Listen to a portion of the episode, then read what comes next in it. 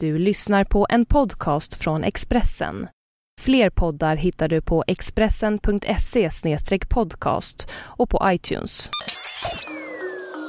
Det här är Expressen Dokument, ett fördjupningsreportage om att oron sitter kvar efter kraschen av Henrik Ek, som jag, Johan Bengtsson, läser upp.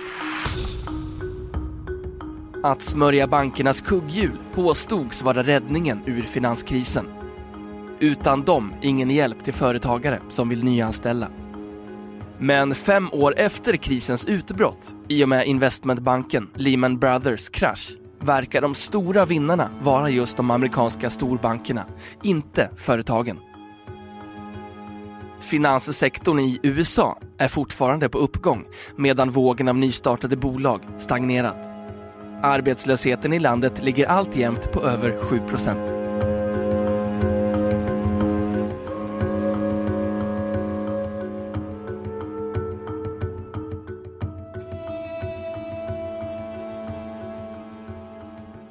New York. Det är en sanslös röra av siffror, människor, lagar och termer. Det är Odd Frank hit, 22 miljarder dollar dit och något så ogreppbart som 4,5 miljoner utmätta bostäder i USA. Finanskrisen är idag fem år gammal och fortfarande pratar en hel värld av ekonomer om att mycket återstår innan vi återhämtat oss helt. Det ser bättre ut, säger de. USA återhämtar sig sakta.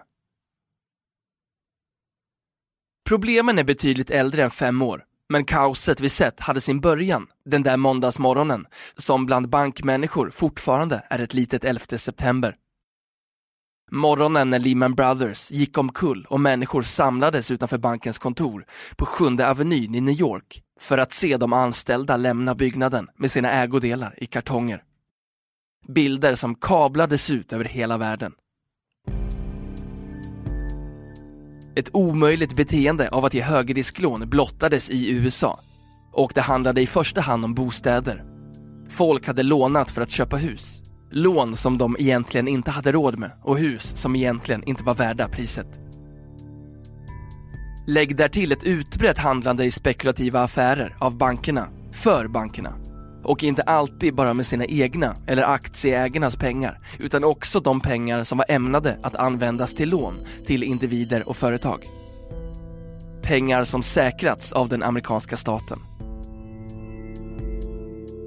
Bankerna får ta marknadens pengar för att investera riskfyllt, inte individernas sparande, säger Shaila Blair, före detta ordförande för Federal Deposit Insurance Corporation, FDIC, till Time Magazine. Hon eh, fortsätter. Det måste till en brandvägg mellan riskhandel och federalt stöttande företagslån. Ett av alla nya uttryck som blivit vedertaget i och med bankkaoset är “too big to fail”. Banker som är så stora och viktiga för samhällsstrukturen att de inte får gå omkull och därför måste räddas av staten. Eller stater med skattepengar. Det är till synes helt utan motkrav när det handlar om de riskfyllda egna investeringar som ändå drabbar kunderna. Too big to fail-problemet kvarstår. Banker är precis så komplexa och globala och till och med ännu större än vad de var innan krisen, säger Simon Johnson, professor vid MIT, till Time. Olle Westberg, tidigare generalkonsul i New York och insatt i finansvärlden, håller med. Enligt honom skulle ingen våga låta Lehman Brothers gå omkull idag, med den kraschen i så färskt minne. I Sverige var det HQ Bank som gick omkull på grund av sina spekulativa affärer. Dock inte med spararnas pengar, även om handeln drabbade kunderna eftersom banken blev insolvent, som Olle Westberg säger. För oss är det två skillnader idag. För det första, efter Lehman-kraschen så kraschade euron den har ännu inte återhämtat sig medan USA faktiskt har börjat komma tillbaka. Det andra är att vi har fått en rad nya regler som gäller banker för att en Lehman-krasch inte ska kunna upprepas. Vid varje stor krasch så skapar man regler för att det inte ska hända igen. Men man vet aldrig varför det blir en krasch nästa gång, säger han. Lagarna som gäller amerikanska banker har godkänts av kongressen i den så kallade Dodd-Frank Wall Street Reform and Consumer Protection Act. Men godkänts är inte detsamma som att det har genomförts, har det visat sig. Den brandvägg Sheila Blair pratar om i Time Magazine mellan bankernas eget spekulerande och det verkliga bankarbetet står faktiskt i Dodd-Frank-beslutet. Men lagen har ännu inte verkställts. Varför, undrar många. En anledning är den enorma banklobbyn som spenderat hundratals miljoner dollar på att bromsa de lagar som komplicerar arbetet för storbankerna. Faktum är att bara omkring 40 procent av det som har godkänts av kongressen och skrivits under av president Barack Obama blivit verklighet än så länge. Bankerna motsätter sig reglerna eftersom de kan tvinga dem att satsa mer pengar på mindre lönsamma lån till egen och småföretagare. Det som enligt experter över hela världen faktiskt skulle bidra med ökad sysselsättning. Det vill säga det som banker, innan de växte ihop med börshandeln, var avsedda att göra. Beviset, menar kritikerna, på att bankerna är tillbaka i sina gamla vanor igen och att de till synes inte lärt sig någonting av de senaste fem åren är att de idag står för en större del av USAs BNP än de gjorde 2008. Ekonomen Hyman Minsky, under sin livstid en förespråkare av statlig reglering av banker, sa en gång Om du vill ha fler småföretag måste du ha fler små banker. Det flockas fortfarande turister utanför börsen på Wall Street i New York. Börsmäklare i sina blå jackor står i en avspärrad hage under sina rökpauser medan turisterna fotar. Det kan här verka som att det är precis som det var innan kraschen. Men både turisterna och börsmäklarna vet att det inte är med samma beundran som bilder tas idag. Inte med samma respekt för börshandel som människor kommer tillbaka.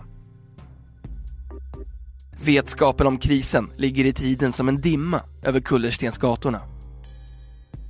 Vi försöker fortfarande hämta oss, säger börsmäklaren Andrew Silver, 58, till Expressen.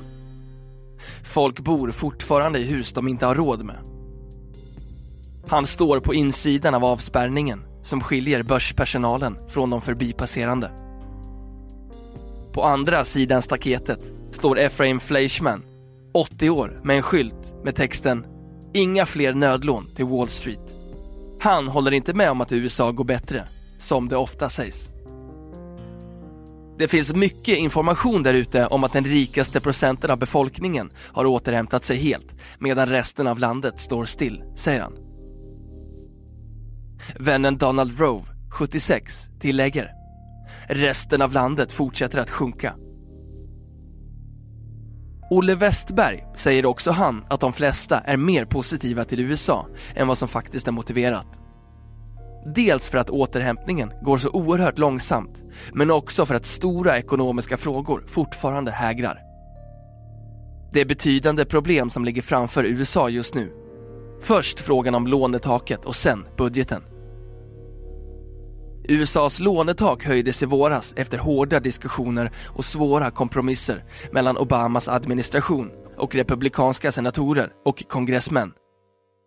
Taket kommer att behöva höjas igen för att USA ska ha råd att betala sina lån och inte behöva stänga av statliga institutioner. Vilket var oerhört nära den gången. Oron slog ganska hårt mot ekonomin i våras och nu är det precis samma sak. Under de närmaste tre veckorna ska man bestämma vad man ska göra med lånetaket. Sen måste man komma överens om budgeten eller stänga staten och det är den 1 november, säger Olle Westberg. Han menar att många republikaner just nu förbereder sig på krig genom att försöka skriva om historien. 1995 och 96, när staten stängde ner två gånger på grund av en liknande konflikt, drabbades hela landet svårt. Nu säger de att man egentligen fick som man ville i långa loppet och därför är redo att göra det igen. Marknaden i Europa har inte uppfattat det här ännu. Hur det ska gå får vi väl se, men det kommer en tid av betydande osäkerhet, säger Westberg.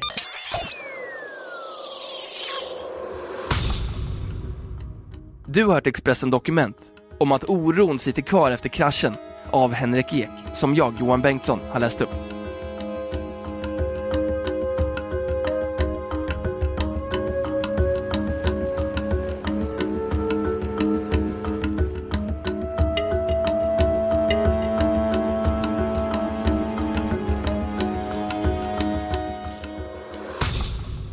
Du har lyssnat på en podcast från Expressen. Ansvarig utgivare är Thomas Mattsson. Fler poddar finns på Expressen.se och på iTunes. Ett poddtips från Podplay. I fallen jag aldrig glömmer djupdyker Hasse Aro i arbetet bakom några av Sveriges mest uppseendeväckande brottsutredningar. Går vi in med hemlig telefonavlyssning och, och då upplever vi att vi får en total förändring av hans beteende. Vad är det som händer nu? Vem är det som läcker? Och så säger han att jag är kriminell, jag har varit kriminell i hela mitt liv men att mörda ett barn, där går min gräns. Nya säsongen av Fallen jag aldrig glömmer på Podplay.